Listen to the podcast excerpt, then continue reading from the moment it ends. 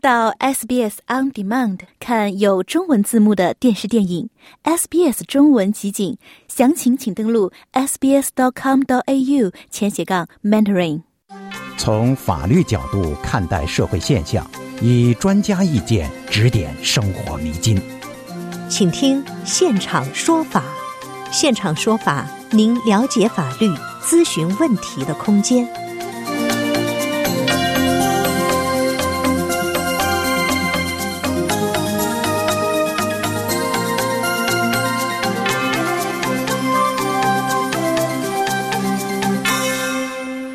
听众朋友您好，欢迎您继续收听 SBS 普通话为您带来的现场说法听众热线节目。我们看到，猫王唯一的女儿去世之后，其生前信托的一次修改造成遗产监管权争议。在今天上午现在进行的现场说法听众热线节目中呢，我们邀请奥斯洛奥和绿业管理合伙人林慧梅律师和您聊一聊遗嘱信托的话题。欢迎听众朋友拨打热线电话一三零零七九九三二三。一三零零七九九三二三，参与节目咨询法律问题。首先来连线本期节目嘉宾林律师，您早。早好，俊杰，听众朋友们，大家好。非常谢谢林律师做客我们的节目哈。呃，林律师，我们在新闻中看到哈，就是猫王唯一的女儿去世之后呢，嗯，其实这个生前信托哈，其实是美国的一个信托的相对一个子分类哈。呃，它的一个修改成为遗产监管权争议的焦点，您能给我们简要的回顾一下，呃，这则新闻中的所谓的这个生前信托的争议吗？哎，好，没问题。呃，就在二零二三年的一月啊，猫王的唯一的女儿 Lisa 在美国呢去世了，五十四岁去世了。嗯。那么她生前的一次修改信，她的生前信托的一次修改呢，就是法律争议的一个焦点。那么在美国呢，在没有立遗嘱的情况下呢，生前系统呢和遗嘱呢也是有同样的这个功能的。那么这次修改呢，就让他的母亲啊就产生了一定的矛盾，他呢就向法院啊递交相关文件来争夺去世女儿遗产的这个监管权。为什么会有这样争议呢？因为呢，在二零一六年啊，Lisa 呢就对这个生前信托啊做了修改。修改的内容呢是，如果 Lisa 死亡的话，那么受托人就不再是她的母亲了，而是她的两个最最年长的孩子。那么他的母亲呢就认为，二零一六年这个修改呢是无效的。原因呢有几个，第一个呢，在二零一六年呃修改之后啊，在二零二零年的时候，他的一个 Lisa 的修改之后的受新的受托人长子他就已经去世了。此外呢。他呢也在，呃，二零一六年修改的时候，并没有按照法律规定的要求啊，通知到他的母亲。文件里面啊，甚至还把母亲的名字啊给拼错了。Lisa 的签名呢，也不是正常的。那份文件呢，签字啊，没有见证人，也没有公证件。按照呃原来的这个生前信托的计划呢，应当是由 Lisa 作为这个受托人，呃，Lisa 的母亲来作为受托人来管理这个 Lisa 的这个。信托的，那么因此呢，这一次的这个修改啊，就使得 Lisa 的母亲失去了对这个遗嘱的这个呃资产的这个管理的受托的权利，因此呢，他就把这个呃文件啊争纠纷啊递交了法庭，希望让法庭啊认为在二零一六年啊猫王的女儿 Lisa 的对申请信托修改是无效的，这样他就依然可以获拿回来对于遗产资产的这个。管理的这个权利。那除此之外呢？不仅是他提出了纠纷，还有其他的他的家庭成员啊也提出了纠纷。因为 Lisa 呢，猫王的女儿，她自己呢也还有三个子女在世，并且呢，她在二零二一年呢跟她的第呃这个第四任丈夫啊，依然还有家庭法的离婚的这个官司在法庭还没有完全结束。因此呢，这样一个数额巨大的遗产，目前就成为了世界性的法律新闻，有众多的法律呃这个问题在里面，并且有很多的人都主张一定的纠纷。嗯，对于这个遗嘱，其实里面提到这个生前信托哈，这个生前信托在澳大利亚有这个吗？应该是没有的，对吧？呃，在澳大利亚呢，它的子分类呢不叫生前信托，但是呢有一类叫做遗嘱信托呢，跟它也扮演着类似的角色功能。嗯嗯，澳大利亚这个遗嘱信托，您能给我们简单介绍一下，它是一个什么类型的文件吗？有什有些什么内容？具体？没问题。我们说的在澳洲遗嘱中的这个遗嘱信托是什么呢？它呢是写在遗嘱里，在立遗嘱人百年之后啊去世的时候啊建立的一个或多个全权信托。因此呢，我我们可以把它认为是在一个遗嘱里啊，既包含了遗嘱，也包含了全权信托。嗯，那么遗嘱里呢就会写明哪些资产会转入遗嘱信托。也会写明每个信托的受托人是谁。像刚才美国的那个案件，假设它发生在澳洲的话，那他以前就是这个呃 Lisa 的母亲，但后来呢，Lisa 把它改成了他自己的两个长子。那受托人呢，就会有这个信托下的哪些资产、资产的收入，递交年度报税表。并且呢，他有权利去决定哪个受益人能从信托中获得收入或者资本，就可以看到哦，原来受托人的权利这么大，所以大家才会去争。那么此外呢，遗嘱呢也会写明啊，每个受托的每个信托的受益人是谁，或者对潜在的受益人啊进行归类，通常呢都是家人或者直系亲属。再以刚才猫王女儿的呃这个案例为个例子的话，就是说，那么如果依然是猫王女儿的母亲的话，那她就有权利去决定，哎，哪个受益人获得多少钱，哪个受益人未来获得多少钱，她也可以把自己列为受益人。嗯，那么遗嘱呢也会指定啊每个遗嘱信托的任命人，那么任命人呢就可以决定雇佣或者解雇受托人。因此呢，这个呃任命人啊，我们也把它称为是信托中权力最大的职务之一。那么在再以刚才呃美国猫王女儿的例子，那么在那个案件当中，任命人呢就是这个 Lisa 她本人了，因为她就可以决定谁是受托人。对，非常谢谢您的介绍。就是说，这个遗嘱信托里面，就说它内容构成方面主要包括哪些呢？有哪些优点？哎，没问题。那么在订立遗嘱后啊，那么什么都不需要去做，因为遗嘱呢已经成立了，但是它其实还没生效，一直要直至另遗嘱人亡故的时候才生效。那么另遗嘱人亡故之后呢，遗嘱信托中的受托人啊，就需要开设遗嘱信托单独的银行账户或者税号，每年的完成税务的申报，并且对受托人的各项的决定呢进行这个。记录，这是在遗嘱信托当中这个生效的这个时间点以及受托人的这个职责。那么大家肯定会很好奇，它的优点是什么？因为看起来它很繁琐。既然这么繁琐，也就是说，应该是呃需要蛮大的成本去管理或者设立的。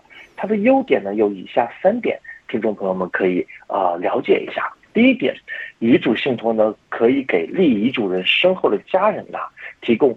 资产保护的这个功能，如果受益人作为被告，那么债被债权人要求还债，那么债权人啊不能要求受益人用遗嘱信托下的资产来偿还债务。这句话可能大家听起来哎比较法言法语，稍微解释一下，就是说，如果猫王的女儿的这个孩子啊，女王的 Lisa 的孩子啊，他是受益人的话。他并不是受托人，并没有直接管理跟拥有这些资产，他只是每年能从这里面信托啊拿到一些分红或者拿到一些钱作为受益的话，那假设这个孩子以后有别的这个经济纠纷或者是家庭纠纷的话，那么他的这个受益权是不会当做资产被另一方债权人要求分割的，那他就隔离出来了。也就是说，即使他身无分文，他都可以向这个信托啊。要求每年的一部分收益，但这个收益呢是流动的，它不是固定资产，因此他的债权人没有办法跑过来说我要分你的收益权，未来的收益权就不能，这就是一个资产保护。那么第二点呢，就是说，呃，可以，呃，第二点是指可以帮助家人保护资产，如果家人参与到前任配偶或者前任伴侣的财产分割诉讼，那么大多数情况下，信托。遗赠的这个资产不作为夫妻财产进行分割，这个第二点就我们刚才讲到第一点的这个延伸了，因为它是未来收益权的期权，不是固定资产，所以配偶跑来做家庭法的这个纠纷啊、主张啊，他也分不了。这第二点的优点。第三点呢是指如果受益人有赌博、吸毒、健康的问题，花钱大手大脚，配偶霸道，或者周围有骗钱的朋友，或者自己呢管理能力不强，那么设立遗嘱信托啊，就可以让受托人帮助受益人来管理遗产。比如说，哦，你一年你的表现得怎么样？你一年你都成绩考到多少分啊？那个你跟家人呃生活幸福啊，不能接触赌博啊，那我就给你多少钱。那这样都要给受益人一个这个类似于 KPI 的考核，呃，表现的好，给他到多少钱，来帮助他更好的进行他的资产管理跟生活。非常感谢林慧敏的介绍，听众朋友，您正在收听的是 SBS 普通话为您带来的现场说法听众热线节目。欢迎您继续拨打热线电话一三零零七九九三二三一三零零七九九三二三来咨询法律问题。稍后如果有时间呢，还会请林律师呢为大家来介绍一下遗产规划，尤其是家庭信托以及家庭信托需要注意的一些关键点，从案例出发和您进行分析和分享哈。接下来我们来接听听众电话，这位是金女士，金女士您好。哎，你们好，你好，是这样。呃，孩子的母亲经常会以各种不同的理由不让父亲探望孩子，就尤其是上次阿斯莱斯 corona 嘛了，他已经有很久很久不让看孩子，甚至也不让视频。他说视频呢，radiation 吐太厉害了，他不让看。像这次他又以理由不让父亲探望孩子，已经有四个月了。那么经常遇到这种莫名其妙的理理由停止探望。那应该怎么办呢？嗯，好的，谢谢金女士您的问题。那您的问题我了解到是跟家庭法当中的这个抚养权的这个探视有关。首先要知道的是，母亲她是绝对没有这个权利，呃，让父亲完全跟孩子不接触的。就算啊，父亲他身上比如说有家暴令或者是刑事罪名。他也不会被自动的剥夺探望他的孩子的权利，因此，像您刚才提到的，母亲用的两个理由，一个理由是这个疫情新冠的这个理由，一个理由呢是关于这个手机辐射或者影响的这个理由。那这个两个理由呢，都不是一个合理的理由，能让父亲啊四个月都接触不到孩子。也就是，那我会建议下一步是什么呢？一，父亲啊可以委托律师或者自己啊给母亲去发去一封信，这封信里面呢包含两个重点。第一个重点呢是去记录一下过去四个月父亲哪几天明确提出过要接触跟探视孩子，但是被母亲以什么样的理由给拒绝了，把这个事实情况啊给描述下来，做一个记录，做个笔记，让母亲知道原来他长达四个月都去拒绝了。这是信中的第一个重点，信中的第二个重点呢，就表明说，表明父亲自己的权利跟母亲是没有这样的拒绝的这个权利的，形成一个法律上的对比，并且表达如果母亲还不接受这个父亲的探视的话，那父亲有可能就递交家庭法的这个家庭法院的申请，如果产生相关的费用，母亲败诉的话，那将由母亲来去承担父亲。造成的这个额外的经济的这个损失跟成本，都可以把这些东西写在信件当中。如果这样信件发过去了，母亲在一个合理的时间之内还不去解决这样的问题，解决父亲合理的探视的要求的话，那么父亲可以下一步就向法家庭法院进行申请了。那么我认为，基于您刚才对于案情的描述啊，父亲还是有非常呃这个呃好的法律基础去再拿到对于。孩子的探视权，并且有可能会让家庭法院啊对母亲的这样对孩子的抚养啊做出再定的这个评估的，林女士。嗯，那么这理由你说是要正当的理由，这个理由要强烈了，这母亲不让父亲看孩子，这个他的理由一定要是很正当的，是吧？是的，像您刚才提的两个理由呢，我认为呢，它并不是非常好的理由，比如说是因为时间已经长了这么久了。比如说，父亲在这段时间得了这个疫情，呃，阳性了，那当然要保持一定距离。但是如果大家都是健康的，那他这样的理由，我觉得不受用了。哦，供您参考，金女士。每次都写信去的，每两个星期写信去，要探望孩子，探望孩子就是不让，不理你。是的，您按照我刚才说的第一步、第二步，并且第一步里面的呃信件的安排啊，信件来去信，作为一个很好的主张。实在不行，去申请家庭法院。那我认为呢，先生还是有非常大的基础获得这个探视的。好嘞，谢谢金女士的咨询，祝您顺利。接下来这位是朱烈，朱烈您好。你好。哎，你好，请讲。你好，律师好。呃我想咨询一下这个遗嘱那个的问题。我老公啊，呃，是在二零零八年就是立遗嘱，他说他就是去世以后啊，把所有的一切都是归我。啊，完了，我我看他给我立这遗嘱，我很高兴啊。就是从那以后哈，我百分之家里百分之八十的呃，就是费用哈，全都是我出，包括买大件，包括换新车，都是我的名字，都是我出的。啊，那个那什么，后来哈，我到那个我最近哈，他不是那个得癌症了嘛？最近我发现他是二零一五年，他把遗嘱改了，就是一分钱没有我的。到现在就是他改了，到现在我我才知道一分钱没有我的，我就想咨询一下律师，嗯，就是我应该怎么办？那个那个就像车，那就像这个车都是他的名，但是是我花的钱，我应该怎么办？嗯，好的，谢谢局长您的问题啊。我了解您的问题呢是关于这个遗嘱法的跟夫妻资产的相关的问题，呃，两个点您注意切入点啊。第一个切入点是，先生啊，他完全有权利去修改这个遗嘱，尽管他在零八年、二零一五年都有过对遗嘱的建立跟修改，他依然有权利在他生前在意识状态好的情况下，比如说二零二三年还能再修改遗嘱，就是他。他他一直可以修改遗嘱，这是他的权利。只要他在生前是有意识状态，并且符合这个法律规范，他都可以修改。你也不能强迫他说他不能改，或者一定要改成什么样，他也不应该会受到这个相关的这个压力去修改。这第一点您要注意到，他可以改，尽管他以前可能对您做出一些承诺过，他可以改。第二，呃，要注意的是，他遗嘱里面立的这些资产啊。可能有些资产是跟您息息相关的，那这些资产呢，可能是没有您的名字，但是呢，是您跟他的夫妻共同资产的。您要注意的是，在澳洲啊，如果您二位是夫妻，那么尽管在资产上面是没有您的名字的，依然是有您的这个呃这个用所有权在里面的，只是没有登记而已。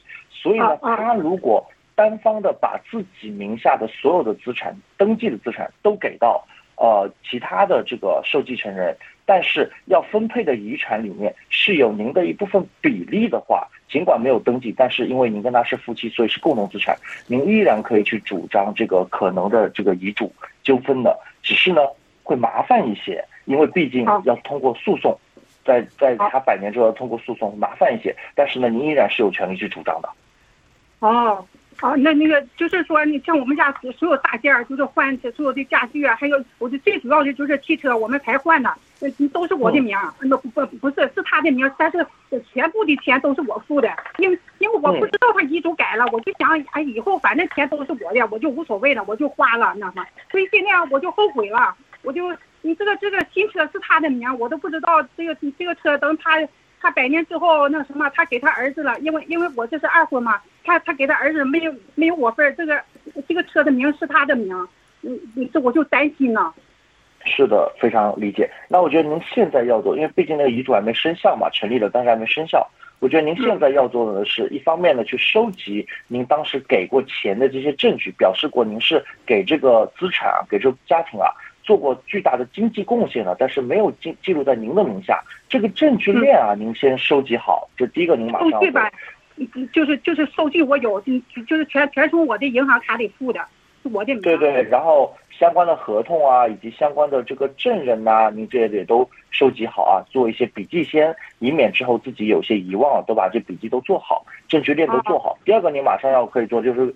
跟先生呢再沟通一下，跟他说，呃，如果他对于一些家庭共同资产直接做出单方面的分配的话，以后呢可能会涉及到更多的纠纷，到时候呢孩子跟您的关系呢也不好，然后双方呢可能还要打官司，都要花更多的钱。希望呢他别给他压力啊，不是给他压力，给他胁迫，是让他再好好的再考虑一下，全方面的考虑一下，就这样。他孩子从来都不看他，他得癌症，孩子从来都不看他，都是我在伺候他，他他现在就是。哎呀，我我也不知道我怎么才能才能才能那个那什么那个，他说我什么偷看他遗嘱了？我说我我说我我无意当中他住院嘛，我无意当中我把家里东西翻一翻，我一看，哎呦我的妈呀！一五年他就把遗嘱改了呢嘛，我怎么我才知道？好嘞，朱莉亚，就是我们刚才林律师的建议，供您参考一下，可以吗？好嘞，谢谢您，祝您顺利。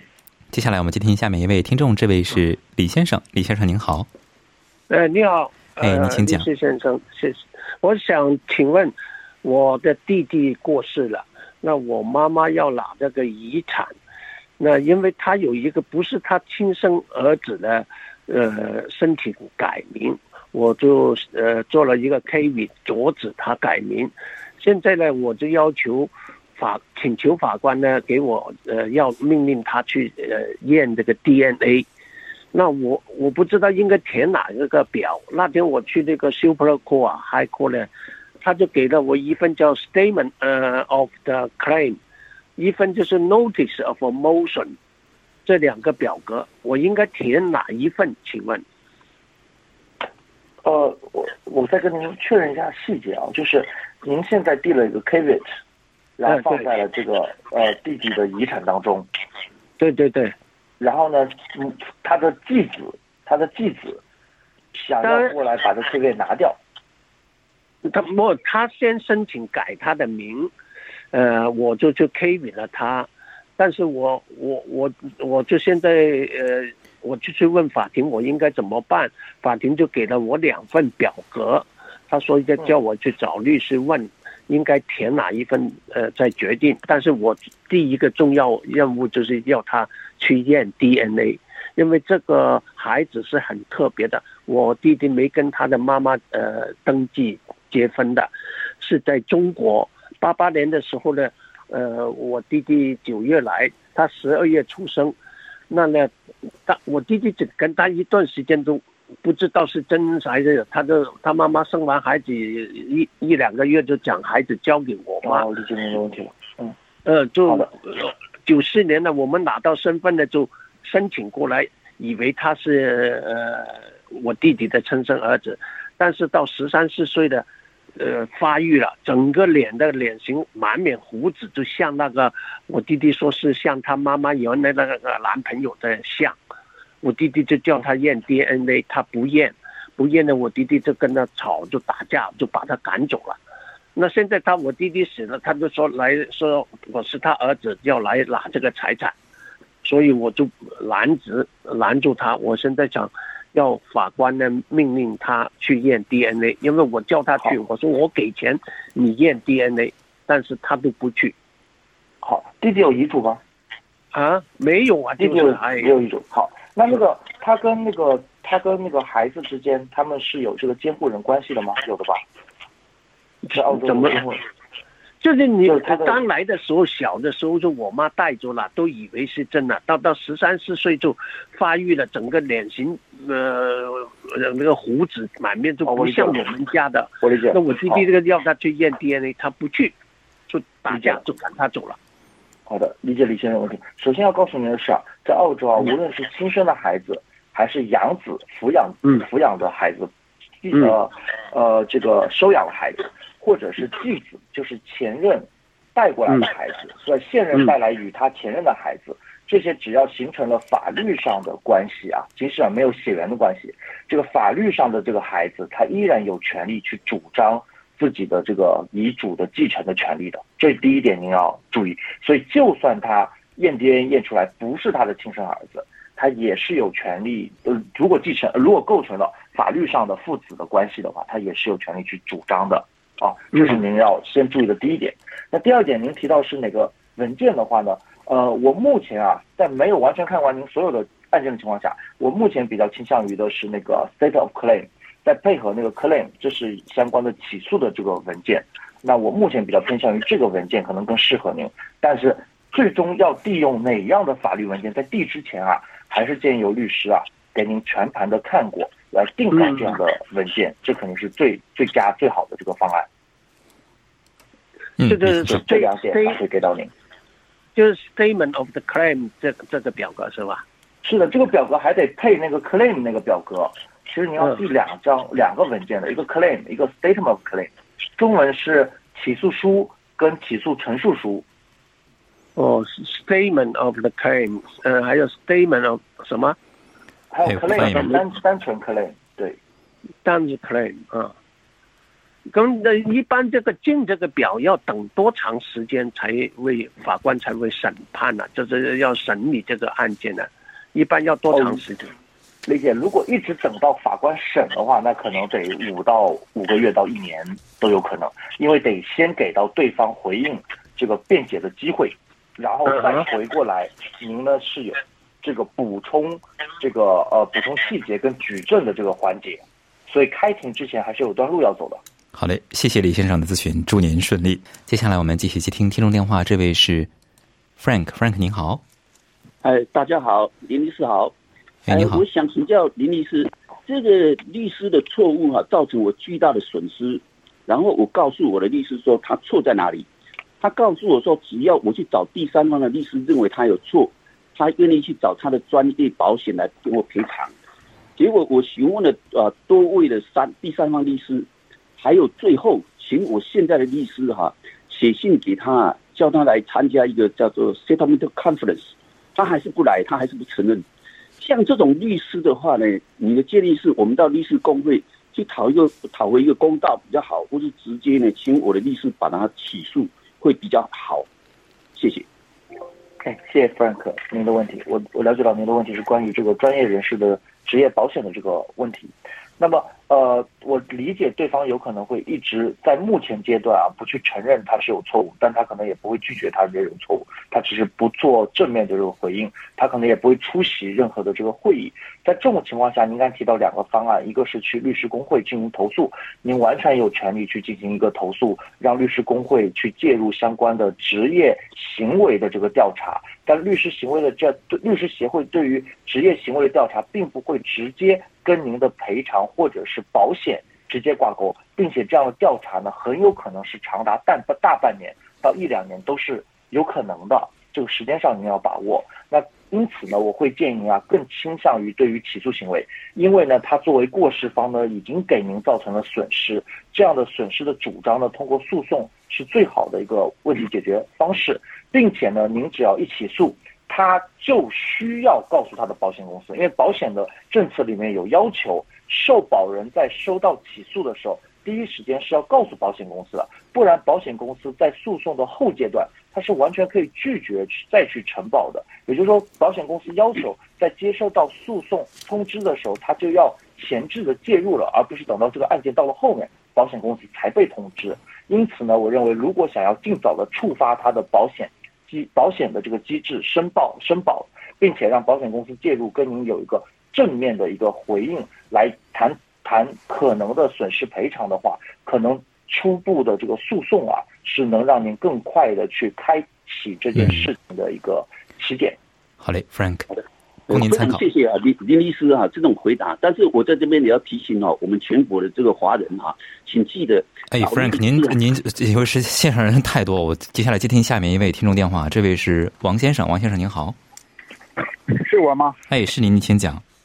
呃，我想第一个那个那个呃打进电话的同样的问题，就是我是呢是隔辈的，我是爷爷奶奶，我就是想看孙子。就是说他这么哦，想探视孙子是吧？哎，就是，但是我儿子在中国工作，他们离婚以后他在中国，我们在这边就想看孩子，看不了，他不让看怎么办？再一个是呢，呃，再一个就是我那个，就是你像我孙子，他澳洲怎么规定？他是多大可以呃独立乘公交车，呃或者是什么小孩打工那个那个情况是多大规定？年龄有什么要求？好的，谢谢您的问题。我想请问一下，您刚才提到就是说，呃，孩子现在的母亲她拒绝探视的理由是什么？他就是他原来就是我们想看的是他诬陷我们，说我们说我们家暴孩子，爷爷奶奶怎么能打孩子呢？就这样呢，就是我们又不懂英文，哎，结果搞得我们就是说，嗯，就是好像说是限制一年。就不让去见孩子，不让靠近孩子。是拿到相关的法庭文件了吗？有家暴令吗？对呀，对呀。但是这个好像一年都过期了，一年过期了，这就是好的。他是一年之内是不允许，是怎么回事好的，没问题。没问题，王先生，因为时间有限，下面几分钟跟您简述一下刚才的答复啊。第一个答复就是，呃，先请孩，先请您的孩子啊，或者是律师啊，给您解读一下那个家暴令当中的限制，以免我们误会了当中一些条件啊，比如说时间的条件，包括接触孩子的条件，这很重要。万一再违反它，那就不好了。第一个，先了解一下家暴令的一个；第二个，如果家暴令已经过去了，那说明我们不被法律。拒绝再去看望孩子，我们可以去看望孩子了。母亲就不能再以这个已经过去失效的这个家暴令再为理由说拒绝爷爷奶奶去接触了。如果他还这么去拒绝的话，您可以像我们刚才第一位这个金女士提出的问问题一样，第一个先记录好他每次拒绝您的时间还有理由都记录好，然后请律师或者自己啊给他发信。先记录好这些，并表表达出您的这个合理的这个主张，以及他不能拒绝您的探视。此外，如果他还这样的话，那您也是可以考虑诉讼的。如果诉讼他您胜诉了，他败诉了，那他也要去承担一定的这个啊，给您的这个成本赔偿的。这第一点。第二点呢，对于孩子。多久多大能坐公交啊？这个原则上没有一个法律的这个规定。那我们一般呢会理解为孩子大概上了中学的时候，有一定的这个民事行为能力的时候，那他可以在安全的情况下呢去坐这个公交，并不是说哎有多大的这个年龄，这这个您可以考虑一下孩子的这个自己的这个独立的这个能力以及自己本身的安全对路线的熟悉。那打工呢，我一般会建议孩子起码在十四、十六岁以上啊。再考虑去打工，那不同的地方，特别是不同的工种啊，还是有不同的一些呃这个限制的。那比如说像有些麦当劳、肯德基这主流的餐厅啊，他们往往呢会可能比较倾向于十六岁以上的，这个供您做参考。嗯，好嘞，由于时间关系呢，就供王先生参考哈，祝您顺利。那听众朋友因个人情况因人而异，法律问题复杂，本节目仅供一般性参考，并无意提供任何个案法律建议。具体法律纠纷，请您咨询专业的律师。喜欢、分享、评论，欢迎您在 Facebook 上关注 SBS 普通话页面。